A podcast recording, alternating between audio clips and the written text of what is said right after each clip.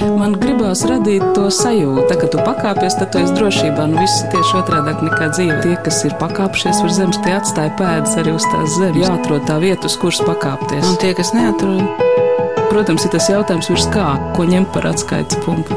Augstāk par zemi. Augstāk par zemi. Augstāk par zemi. Esiet sveicināti! Ar jums sarunājas Anna Buševica, un šis raidījums iesākās ar ilgadējs žurnālists un šobrīd arī doktora Klauna Guntas Lūsas man atsūtīt zīmīti sociālajos tīklos. Sveika, viņa raksta, man ir draudzene Anita Šaliņa. Kādreiz par viņu rakstīja žurnālā 36,6 neredzīga sieviete, kur rada un tagad viņi izgatavo arī milzu lēles, ļoti radoši. Viņi dzirdēja tavu raidījumu un ir gatavi padalīties savas dzīves radošuma pieredzē. Rēdījums, kur Anna Čaliņa bija dzirdējusi, bija stāsts par Rutskas mākslas centra producēto īpaši cilvēkiem ar funkcionāliem redzes traucējumiem pielāgoto izstādi Neredzamās dzīves. Tā šovasar bija skatāma, klausāma, taustāma Rīgā, Tirzniecības centrā Origo, vēlāk arī Vidzemes koncertzālē Cēsis. Pirms atsaukties aicinājumam, es īsu brīdi šaubījos, vai šis stāsts būs piemērots kultūras programmai bet tad manī pamodās dumpinieku gars, jo gal galā gan kultūras žurnālistam, gan arī viņa klausītājiem reizēm ir ļoti veselīgi izkāpt ārā no iepriekš paredzamā rāmja, kas nomēra, kāpēc kāds notikums kļūst par ievērības cienīgu kultūras ziņās iekļaujumu notikumu. Sarunā ar Anitu Šaliņu, viņas dzīvesbiedru Gunāru Šaliņu, es atklāju daudz ko sev līdz šim nezinām par neredzīgu cilvēku kultūras patērēšanas paradumiem. Nu, piemēram, vai jūs zinājāt, kā neredzīgs cilvēks skatās seriālus, ka humpalu bodas ir viņa tautas lietušķās mākslas izstādes, jo atšķirībā no oficiālajām izstāžu zālēm tajās visu drīkst aptaustīt, Mēs satiekamies kādā no jūglas attālā gala dzīvokļiem Rīgā. Gunta Lūsa nāk man līdzi ar savu taktu žurnālists rūdījumu, kļūst par tādu kā ceļvedu šīs ģimenes pasaulītē. Un neviens no mums vēl nezina, par ko tad īsti izvērtīsies šī saruna. Taču viens iegāns tai mums jau ir. Es taču esmu nākusi skatīties Anita Šaliņas darinātās lēles. Anita, jā, tā ir izstāde pilnīgi. Es atnācu, tad Gunārs līmēja tai lielai lielai nagus. Es pastāstīju, tu pastāstīji. Viņš negribēja, ka es stāstītu. Jā, mēs esam apvienība, nu nokardājam. Anitai kā kuro dienu, tad atnāk elektriks, atnāk galvenieks, te vēl kaut kas. Plašs profilu vīrs, visam speciālitātēm kādas tik vajag. Šitās lēvas jau netika sen tu sāk taisīt. Sākās viss ar Jumidoru 20. gada Ziemassvētku. Šis ir Jā, jā, Jumidors. tas, Milza pele. Nē, tas ir Pat Jumidors. nevar saprast, kas Viņam ir jā. vārds Jo Jumidors. iesākā mēs nezinājām, kas iznāks. Un ar vien tuvāk uz gala rezultātu, tad, nu, paši domājam, kas mums tāds varētu būt. Ja? Tas viss sākās ar to, ka man kaimiņš prasīja, ko tu man uzdāvinās Ziemassvētkos. Un viņš man ir labs draugs, un es domāju, nu, tad labam draugam vajag kaut ko īpašu. Tad mēs sākām štukot to leli. Tā pa procesā, tur nebija nekāda ne plāna, ne doma, nekā viņa vienkārši tā. Viss. Tad tas, tas, tas, tas, tas tika pielikts pamazām, kamēr viņi tika uzdarināti. Bet, eh, Viss ir tā, nu, caurmērā savākts no tā, kas bija mājās. Ja? Mana veca cepura kļuva par viņa cepuri. Nu, pamazām tā. Ausis. Es tikko uzzināju, no kā ir ausis. No Krustu pulsteri. Jumidors. Nu, to kaimiņu draugu sauc Jumis, tāpēc ir Jumidors. Jā, tas ir viņa mājas sargs. Vienkārši ir tagad atnācis šeit parādīties. Pārējie tie ir patstāvīgi, bet Umidors ceļos atpakaļ pie. Man mājās ir šī tik liels balts lācis. Milzīgs. Viss nodīts. Un tāds un, un mazbērni uz viņa vienkārši noliek uz grīdas un šļūts vai guļ uz viņa. Un es arī guļu uz viņa. Viņš tā kā spilvens. Bet te jau var tāda dramatiskāka tēla ir. Nu, Nu, tie, jā. bet viņi visi nav tā konkrēti. O, tagad mēs tur taisīsim to un to, to vienkārši tās, un kas sanāk beigās, tas arī sanāk. Tas personāžs ir domāts kā ragana, bet nu, tas deguns ir apmēram nu, taisīts Nu, tā tā kā kā lāpa zeķi. Ja? Un, nu, kas var sanākt no tā? Nu, Viņi dabūt pa degunu. nu, tur ir kaut kas briesmīgs. Faktiski viņai kaut kur bija pīpes kāds vēl te spraužams iekšā. Ja? Un Tas tad, nu, tas, pazudis, tas, jā. nu, tā. Nu, jā, bet sākums jau man liekas arī tāpēc, ka Danita āda un tiem adījumiem, nu, tā kā īsti Vienkārši man ir tik Jā, nosiltināta māja. ķermeņi ir adītie, ja? un pievienotas klāt ir galvas no vecām padomu laika lēlēm. Kājas Nu, var un rokas. nost. Jā, pamats jau tādīšana. Tāpat bija adīta galva, bet nu, viņa izskatījās diezgan drausmīgi. Viņa nogriez no. Tāds, tāds, Viņa tika nogriezta. Ik pa brīdim piezvanīja Anita un kaut ko tur Jā, saka. tā Kaut ko mēs pasūtījām rokas, bet pēc tam Gunārs viņas nogrieza. Nē, es pat nogriezu. Mēs nogriezām kājas. un arī adīti tie pirksti, ja? nu, un, un, tie un teksti beigās mēs viņas amputējām. Tie teksti reizēm ir drausmīgi par nogrieztām kājām un galvām. Nu, es- Man vienā dienā puika atnāk no darba mājās, viņš ieiet to ansistabā un man tur stāvēja saliktas piecas galvas žūtu, bija izmazgāti māti lēlēm un tev pilns gāds ar rokām kājām. Viņš man saka, man te izskatās kā šausmu filmā. Cik te jūs te esat iemītnieki šeit Mēs dzīvo? trīs. Patiesībā saima nelielajā šaliņa dzīvoklī ir daudz, daudz lielāka. Supermīļie sunīši, riksis un knope, un arī bērnu ir krietni vairāk, tikai tie jau lieli savā dzīvē. Man ir trīs bērni, man ir vecākam 38, mazajam ir 31 un meitai 22. Kad iepazinos, viņa bija Un. Gunāram ir meitai 36 un dēlam 37. Mums ir pieci bērni, katram trīs. Divi saņi. Mums, Katram mums trīs. ir manējie, tā vēl jau Jā, mūsējais. nu jā, viens ir mūsējais, pareizi katram. Viņam ir divas meitas un dēls, man ir divi dēli un meita. Es skatījos to veco rakstu, kas bija, un tas bija tur līvai bija deviņi gadi. Tas bija 2009. Devītais gads. gads. Jā, jā, jā. Tas bija tavs raksts. jā. Jā, jā, nu kā jau es ar Anitu iepazinos, tā jau bija. Guntas Lūses, tolaik vēl tabors, raksts tapa pirms nu jau 13 gadiem. Žurnālam 36,6 tur bija tāda rubrika Nepadodos. Gunta rakstīja, Anita Šaliņa ir apbrīnojams parīga trīs bērnu mamma. Ada skaistus džempers, cepgardas pankūks, poš māju, palīdz vīram remontēt automašīnu. Viņa labprāt sēstos pie stūres un pat spēlētu hokeju, ja vien spētu redzēt. Tomēr par spīti dzīvē tumsā Anita spēja radīt pati savu gaismu. Un patiesībā tobrīd nemaz tik gaišs brīdis šāliņa ģimenes dzīvē nebija. 2009. gads bija globālās finanšu krīzes laiks, ko līdzīgi daudzām Latvijas ģimenēm arī šāliņa neizturēja. Bija samilzuši dzīvokļu parādi, kuru dēļ nākamos gados nācās pārcelties uz laukiem. Lai kaut kā turētos virs ūdens, Anita Šaliņa savus rokdarbus mēģināja pārdot vecrīgas smuklietu tirgotavā. Nu jā, tas ar radījumiem jau arī sākās, jo es kaut kur gāju pa vecrīgi, negāju tādā mazā salonijā, kā sauc Inga bija tur tāda. Tējas roze. Tējas roze. Bija smuks veikals blakus tam pankūkam, kur arī vairs nav. Tagad tur nervisens te veikalā. Nu jā, un skatos tāda džempers bija smuks un tāda milzu šāle bija zila. Man viņa mājās ir. Un pienāk tā Inga un saka, to ir radījusi neredzīga sieviete. Es tā, ah, nu, nu nē, tā, nu, tāds raksts apskatu vēl perfekti viss. Tur pilnīgi nekāda tur nav, zin, kā iedomājies, ka nevar uzadīt, ja tad tur. es saku, es gribu satikt to cilvēku, kur viņš ir. Un tā es viņai piezvanīju. Tad kaut kā atbrauc, tad mēs te pļāpājām un, un rakstījāmies. Un bildējāmies. Un... Uzreiz jau tas nemaz nepiekrītu tā, tavai Jā, jā, es braukāju, braukšanai. ka bišķi ciemos un tā. Es nepiekrītu tavai braukšanai jau pirmajā reizē. Man bija jāpadomā, jo man vienkārši tās publicitātes jau bija piegriezušās. Nu, tā publicitāte, no kā tā viņi rodās? Ko, ko jums jautā?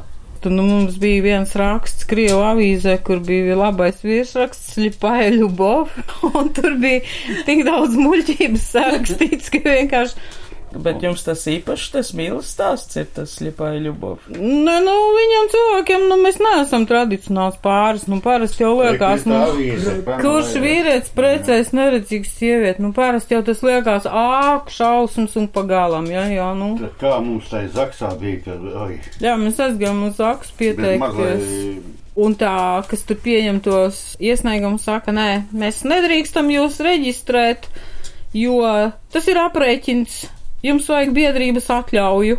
Bet aprēķins jājautā no kura puses. Nu, no Gunāra puses, protams, nu, jā, jo, Būs 25 gadi. jo kā var, kā var redzīgs vīrietis precēt neredzīgs sievieti ar diviem bērniem? Nu, tas nav normāli. Nu, mūsu sabiedrībā smalkajā tas nav pieņemts. Lai kā šaliņi nu pat būtu nokritizējuši rakstu Krievu presē aklā mīla, Gunārs Aša avīzes sameklē turpat plauktā un ieliek man rokās, avīze tiek glabāta. Tātad tomēr abiem ir svarīgi, ka viņu mīlestība top redzama. Un abu satikšanās stāsts patiešām ir tāds, ka Man šķiet, ka kino režisors Lars Fontrīrs un viņa dejotāja tumsā variet nervos pīpēt. Viņi ir iepazinušies pēc sludinājuma avīzē, jau nobriedušā vecumā. Anitu zeverģēlībām nekad nav bijusi jāmudina, un arī tie sludinājumi ir bijuši tādi. Tīģeriene ar labiekārtot alu meklē pavasara runci, vai Jāņa papārda grib uzziedēt. Šo citēju no Gunts Lūses 11 gadus atpakaļ tapušā raksta jo mūsu klātienes sarunā šaliņi pie iepazīšanās stāsta atgriezties vairs negrib. Taču trakākais, ka ne šajos sludinājumos, ne tālākajā sarakstē ar tiem potenciālajiem brūtgāniem, Anita nav pat pieminējusi, ka ir neredzīga. Randiņš runājas pie sevis mājās, kur perfekti orientējusies. Gunārs bijis viens no nedaudzajiem, kurš viņu pieķērs. Saņemot puķi, Anita roka esot aizšāvus garām. Nu jau Gunārs un Anita kopā ir 25 gadus, un kad es saku kopā, es to saku diezgan burtiskā nozīmē, jo es nezinu daudz pāris, kuri ikdienā darbotos tik ciešā sazobē, un tepat ir grūti izšķirt, kur ir pie vainas neredzēšana un kur tā ir abu kopīga vēlme, jo vispār jau Anita Šaliņa varētu arī pati. Vēl viens citāts no Guntas raksta, kad vāru piena zupu visus izdzen no virtuves, jo man jādzird, lai piens nepārskrien. Kādreiz jā, es arī pa ielu eju, es, es, es, piemēram, mājas, es dzirdu visu, es dzirdu mājas, es dzirdu žogus, es dzirdu visu, es, teiksim, ejot, nu, viena pāti, es nekad neuzskriešu virsū lieliem priekšmetiem, pat viņus neredzot, es viņus dzirdu pa gabalu, bet tas nenozīmē, ka mums visiem tā ir, jā, jo, jo, nu, katrs mēs esam pilnīgi, nu, tā kā jebkurš normāls cilvēks, mēs visi esam savādāki. Arī es tikai pamazām mācos saprast vairedzīgo pasaules uztveri, veidojot jau pieminēto raidījumu par izstādi neredzamās dzīves. Tas, ko es nebiju sapratusi, ka neredzīgie ļoti dažādi neredz, ir redzes traucējuma jēdziens. Jā, protams, jo katram jau ir sava diagnoze. Nu, Nu, nav jau tā, ka tagad visi ir neredzīgi. Nu, nu, katram ir savas problēmas, katram ir savu redzēšanas pakāpe. Viens redz vairāk, viens mazāk, viens ar vienu acu uz augšu, otrs uz leju. Nu, katrs redz, protams, tāpēc ir vairedzīgie un neredzīgie. Nu. Bet jūs neredzat. Nu, tagad nē. Tā kā progresē. Nu, man ir graudu glaukuma progresējušā. Mm, mm -hmm. Jo man bija pusgadiņš, kad man izstūmā ārā ar ratiem, saulē ļoti spilgtā vasarā. Un, nu, tad piemirsās, ka es tur esmu. Un man, principā, ar sauli izdedzināja acis, un tad vēlāk sākās glaukoma. Te jābūt ļoti traģiskai sajūtai, ka tā. Nu, Es nezinu, ka man ir traģiski sajūta, man ir vienkārši dusmas, jo es bērnībā biju vienkārši ļoti, ļoti aktīvs un ļoti strādīgs bērns. Un es saku, tā trakā enerģija, kura man ir, es domāju, ka es arī savā vecumā esmu ļoti pietiekuši labā formā, un man vienkārši ir pārāk daudz enerģijas, lai, nu, man nav viņa, kur likt lietā. Nu, tieši fiziskās enerģijas es varētu darīt. Man liekas, ja es normāli redzētu, es vispār ne, nekad mājās nebūtu. Ja? Grīdu, ne, tu vari to iedomāties. Bet es to nevaru. Ne, jā, es, es tiešām. Es, jā, es katru dienu es no rīta pieceļos, tas ir pirmais, es fiksi uzkopu māju. Cits vingro, jā. Nu. Tad es viņu biju izdomājis nogurdināt. Aizvedu es uz uh, Līgasnes sanatoriju, tur tas gaujas kasu baigām klintīm. Nu, un es viņai sastāstīju, ka tur ir sēnes, protams, ka tur tak nebija, jā, bet tas viss tas, nu, tā kāpšana augšā, solis pa kreisi, tu iekritīsi gaujā. Jā, jā man nu, saka, ja tu paies soli pa labi, tu iekritīsi gaujā. Es noguru, man bija kājas kā makaroni. Vienkārši man ir ļoti daudz fiziskās enerģijas. Ja? Es nekad reāli dzīvē, es nekad dzīvē nepiekūstu, nekad. Jā, bet tu kādreiz arī teici, kaut kā tā it kā izklausās skarbi, bet tu teici, nu, ja ka varbūt Dievs atņēma to, to acu gaismu, tāpēc, ka, ja tu nezini, kas būtu, varbūt tad kalnus gāzt un būtu, nezinu, kas ar tevi Jā, dzīvē. es domāju, ka Dievs man ir savā veidā, nu, es, es gan neticu nekam, bet, nu, nolicis pie vietas, jo, nu, ar manu raksturu es domāju, ka es bieži vien iekultos visādās ķibelēs, ja es normāli redzētu. Attīšana šķiet diezgan introverta nodarbe, bet eh, Anitai tā notiek ar vērienu. Šāle, ar kur sākās Gunts un Anits draudzība, esot milzīga izmēra, Anita nesen noadījusi divmetrīgu gultas pārklāju. Bet kā jums sākās tā adīšana? O, tas bija ļoti sen. Es iemācījos adīt astoņu gadu vecumā, jo es saku, es būtībā iemācījos adīt aiz skaudības, ka mamma man adīja māsa, man mācīja adīt, un man, man bija dusmas, kā tas ir, ka viņas tagad ad, un es ne, un tad es iemācījos adīt. Un tad vēlāk internāta skolā, kad es mācījos, tad uh, tur bija ļoti izdevīgi adīt, jo visas tās lietas, ko mēs uzvedījām paši, tās mēs visas varējām paņemt. Nu, un tad tur ar tām drēbēm bija kā bija. Un tad eh, pēc iespējas bija katrs, nu, kur jau meitene adīja, tā bija interesēta pēc iespējas vairāk uzvedīt, lai viņi pavasarī to visu dabūja. Un tad mums tur sākās tā dažām meitenēm tā trakā adīšana. Un, un tad pēc tam bērniem saviem es adīju visu laiku, visu ko. Kā top šālis, man būtu skaidrs, arī džempers vai kleita, tas ir apjoms, un to var nojaust arī neredzot. Bet man, piemēram, ir ļoti interesanti, jo, lai radītu lēli, nu tas ir tēls, tas ir tātad, lai gūtu iedvesmu šim tēlam, ir kaut kas jānoredz. Un arī, lai uztaisītu. Es esmu pirmkārt, es esmu redzējis bērnībā, tas ir viens, bet otrkārt, nu, katram cilvēkam, nu, es domāju, arī māksliniekam, jebkuram, nu, es šaubos, vai viņš redz visu kaut ko atspriekšā. Es domāju, ka viņš redz savā galvā pirmkārt. Tagad pēdējā aizraušanās, viņi visu laiku ar kaut ko aizraujās. Mm -hmm. Tagad es atņemos ar, ar mazu bērnu drēbi. Jēziņ, cik rozā! Vai jā. tik rozā kaut kas vispār ir pasaulē? Nu, nu jā, bet šis viss ir pēc tādām, nu, tavā, tavā galvā dzimušām piegriezt. Man, teiksim, tik līdz nu, man ir jauna dzīve, man ir jau pilnīgi ideja.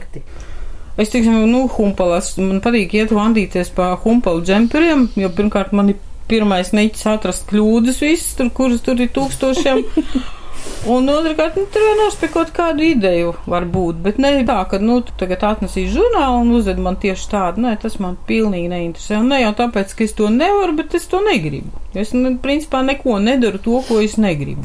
Nu, visu šito gadu laikā, 13 gadus mēs esam pazīstami man jau arī ir mainījusies tā nu, sapratne un priekšstats, kā Anita dzīvo un ko viņa, piemēram, atnāca pie viņas un līju maz bija un vēr kaut kāds krellītis. Saka, māma, es nevaru ievērt, ievērt man, vai ja vajag gada tā diegu ievērt, tad visi skrien pie viņas. Jā, ja? Tas liekas, tev smadzenes apgriež otrādi. Es nevaru ievērt diegu, bet Anita var.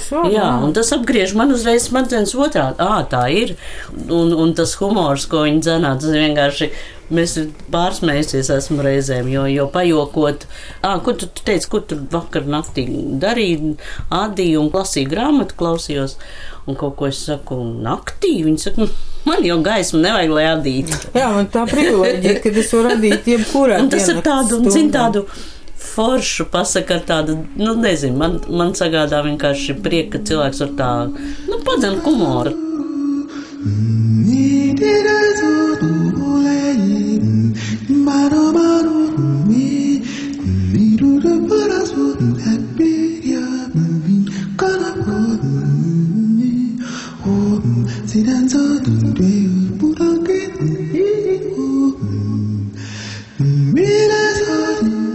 vēl kāds iemesls, kāpēc es atcaucos Guntas Lūsas aicinājumam. Man iejūsmina arī viņas pašas dzīves stāsts, un es jau sen plānoju interviju, kurā varētu beidzot pajautāt, kāpēc Gunta izlēma atstāt žurnālistiku un sadūšojas doktora klauna darbam. Nu, jā, nu, tas jau tā, tā, tā laikam notiek, ka tas viss ir kaut kāds ceļš, ka tu saredzi kaut kādus, nāk kaut kādi cilvēki, teiksim, manā ceļā, kas ir kā Anita kā skolotājs, jā, kā dzīves skolotājs, jo parāda, nu, ka jābūt jūtīgākam dzīvē, ka jābūt tā kā vairāk sajust, vairāk saskatīt un, un tādas kaut kādas lietas, kas maņas, kad ļoti svarīgi cilvēki maņas, un, un kā dakteris Klauns jau maņa mums ir ļoti tas vērīgums un sajust visu, jā. Gunter sakot, aprīnoja tevi par tavu spēju pieiet klāt cilvēkiem un uzturēt draudzību.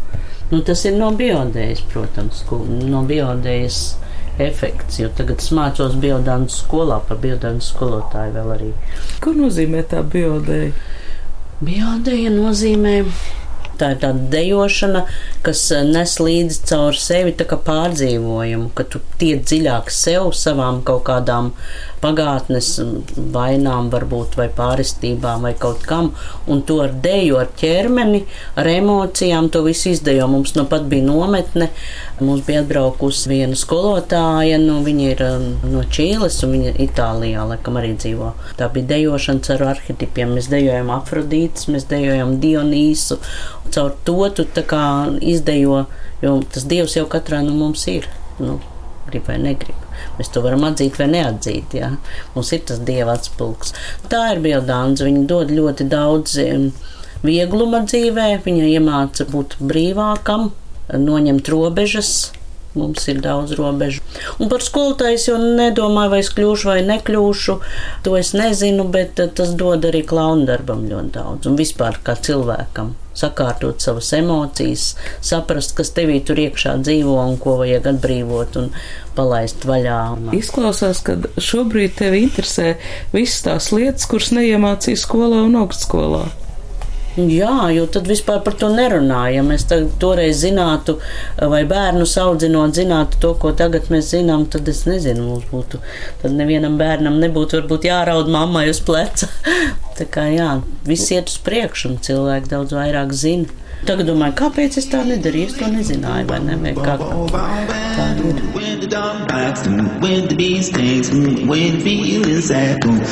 I simply remember my favorite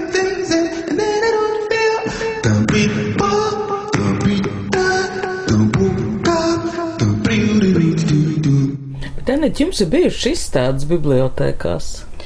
Jā, man bija bibliotekā izstāde, bet. Uh, Vairākas man. Nē, nē, nē, man bija viena. Ah.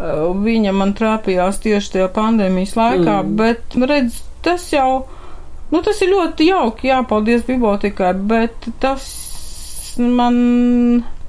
Nu, tur iet būtībā nu, tie cilvēki, kas tur dzīvo. Ja? Viņi taču visi tāpatās mani ļoti labi pazīst, un viņi visi, principā, zina, ka es ādu jau visu mūžu garumā un tā. Bet mēs jau vairāk esam ieinteresēti, lai tā mūsu smalkā sabiedrība par mums uzzina vairāk, un līdz ar to tas man, nu, neko baigi nedod. Es ļoti labprāt gribētu parādīt sevi citur, un nevis tāpēc, ka sevi, bet tāpēc, ka vienkārši, lai cilvēki arī tā sabiedrība saprot, ka nu, mēs nesēžam tikai un negraužam nagus un neklanamies, ka mēs principā varam visu to pašu, ko visi citi varbūt ne tādā līmenī, bet savādākā, bet, bet ka mēs to varam. Nu, nav divi varianti, ka mēs esam viens ir nespējīgi, otrs uzreiz ģēnī. Nu, es nedomāju, ka es tagad esmu kaut kāds baigais ģēnijs, ka es varu uztaisīt to, to, to. Es domāju, ka es esmu vienkārši tāds pats cilvēks kā vispārējie. Trīsreiz lielāka enerģija. Nu, jā, nu, enerģijas man ir pār pārēm, un tas man dzīvē var būt. Man liekas, tas... ka vai, vai tavs iedvesmas avots nav arī tā kā, nu, grāmatas, Anita ļoti daudz lasa grāmatas. tiešām, Ļoti daudz. Jā, un laikam visu biblioteka es izlasījusi. Nu, pa lielam, kas man interesē, jā, tikai žēl, kad. Nu, cik ir ielasītas grāmatas? Bet ielasīts nezinu. tas ir audio grāmatas. Jā, jā audio grāmata. Un tad viņi smalki māk pateikt, kur balss der un kuru nevar lasīt, piemēram, tāpēc, ka balss neder. Ir tā, ja, ka, nu, tas ir tāpatās, ka, nu, ja cilvēks redz, viņš negrib skatīties saulē visu dienu, ja, nu, un ja es, piemēram, klausos grāmatu, un man tā balss, nu, nu pilnīgi, mm, ka man visu dienu klausīties, nu, Nu, kaut gan paldies par to pašu, kad vispār ir kas ielas, protams, jā, bet, nu, jā, tikai varētu jau būt tāds interesantāks ielasīt vairāk. Mēs esam sprieduši savā starpā, kas viņas izvēlās, nu, lai ierakstītu. Ja? Jo es arī klausos līdzi. Aha, tā jūs kopīgi. E, jā, nu, tāpēc mums ir apvienība nenokardējuma. jā, jā, mūsu apvienība saucas nu, bet iznāk tā, ka nu, nav ko klausīties brīžam. Ja? Grāmata ir, bet viņa ir bez. Nē, nu var jau būt, ka, nu, protams, tur iet visādi cilvēki, un varbūt viņiem interesē, bet, nu, man, man teiksim, man ļoti Nu, tev patīk vēsturiski. Mans mīļais 19. gadsimta angļu aristokrātija, ah, tas ir vienkārši super. Ceļojuma grāmatas man ļoti patīk, man, teiksim, visas Latvijas lapas grāmatas ļoti patīk. Ja, bet man- mūsdienu literatūra, mūsdienu autori. Nu, es te pēdējo klausījos Kuzmina divas grāmatas, nu, sorry, lai viņš man piedod, bet es neko tur, es, es viņas vienkārši nespēju noklausīties. Latvijas literatūras gada balvas ieguvējs. Jā, bet es, acīm redzot, neesmu vēl izaugusi Nu, bet tev jau kas patika no latviešu autoriem, tu kaut ko. Laura Vinogrādā. es zinu, Vienā viņas es izlasīju, jā, jā, jā. Lauriņa kādreiz strādāja mums bibliotekā, nu viņa vienkārši perfekti lasa. Viņa perfekti, viņai balss ir tik, tik perfekta, nu tāda, nu jābūt ir tā, lai nav uzbāzīga, viņa pilnīgi nomierinoša. Nu, mēs esam sprieduši par teātriem, ko dzirdam, nu, rādio. Man kādreiz ļoti. Viņa uh, vecos aktierus visus pēc balsīm pazīst. Ja? Var pateikt, tas ir tas, tas ir tas, tas ir tas. A jaunos viņa tagad saķera galvu, viņa saka, viņa spēc balsīm. Es kādreiz rakstīju uz lapiņas, cik aktierus es atšķiru pēc balsīm. Nu tā, perfekti. Un man sanāca kaut kur ap simtu.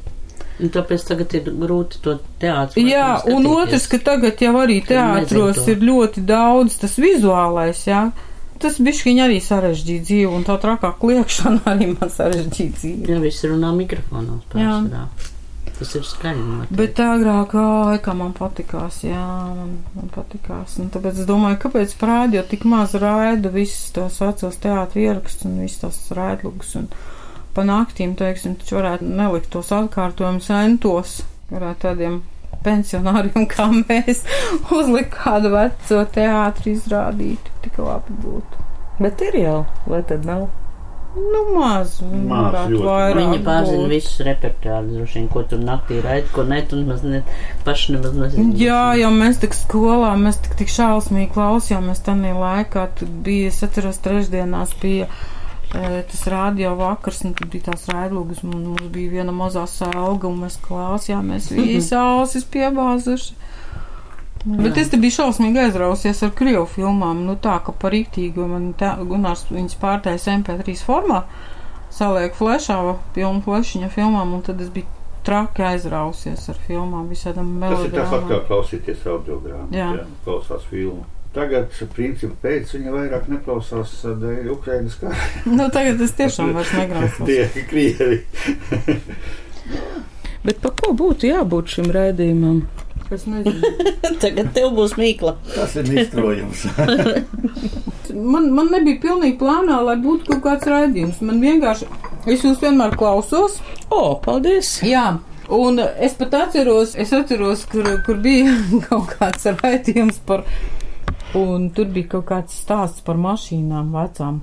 Un tad es atceros, ka Anna teica tādu frāzi, kad vecas mašīnas vajag izpirdināt. Šausmas, es to neatceros. Man īstenībā ļoti, ļoti gribētos iepazīties ar kādu mākslinieku. Man gribās kādu cilvēku, kas objektīvi novērtē. Visi draugi man, jā, viņi, viņš vienmēr teiks, vai, vai, vai, cik skaisti, cik labi. Bet man jau nevajag, lai man slavē, man vajag, es gribu vienreiz tādu rīktīgu objektīvu vērtējumu. No mākslinieckā viedokļa, vai tas ir labi. Bet ko jūs uzskatāt no saviem darbiem par tādu vērtību? Nu, man viņi visi patīk. Nu, es nezinu, vērtīgi. Nu, nu tās lēlas, nu, nu, cik viņas vērtīgas. Nu, es domāju, ka viņas nu, nevēlti nav vērtīgas. Tā ir tāda tautas māksla, varbūt. Tas tāds prieks. Tas ir, Es tas domāju, ir radīšanas prieks vairāk tajā ir iekšā. Tajās lēlēs to ziņām paskaties, tu redzi, nu tur vienkārši viņu Jā, nu, kaivs, nu, ka viņi nu, to ir nu, Man ir uztaisījuši. prieks, jā, ja gribētu, lai varbūt vairāk, nu, vai varbūt kaut kur vairāk redz, lai cilvēki arī nu, saprot, ka arī mēs varam būt mākslinieki. Nu jā, varbūt arī nu, adījumiem, es nezinu, šobrīd, kad viss ir nopērkams, pazūd arī tā vērtība. Nu, tā kaut kā atkal atgriežas, ja kaut kāda roka darba.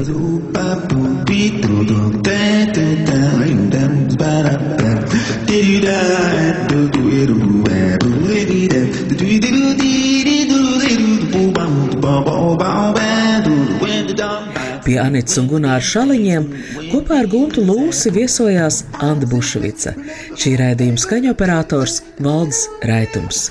Dažas šaliņa derinātās lēles fotografijās var ieraudzīt Latvijas radio mājaslapā pie šī raidījuma. Nē, tās nav ģeniāls, bet tās apliecina arī, ka to darinātājs nav nekāds nespējnieks, ka viņam ir rosīgs prāts, ka ir interese par pasauli, Spilveni, Spilveni kaķi, lopi. jā. jā tāds man ir lācis. Ir kokmateriāls, ja? Kaut kādam tur skapim tam.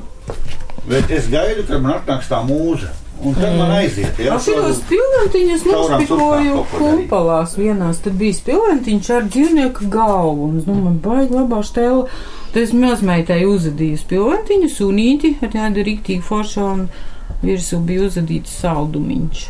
Iekšā bija ierakstīta pasaka. Jā, un iekšā mēs ielikām to Lievas lasīta pasaka. jā, pasaciņu. Ir tāds ir runājumi aparātiņi, Jā, jā, jā, tiem jā. vēlniem tur ir. Jā, es viņas pasūtīju caur AliExpress un pasierunājām.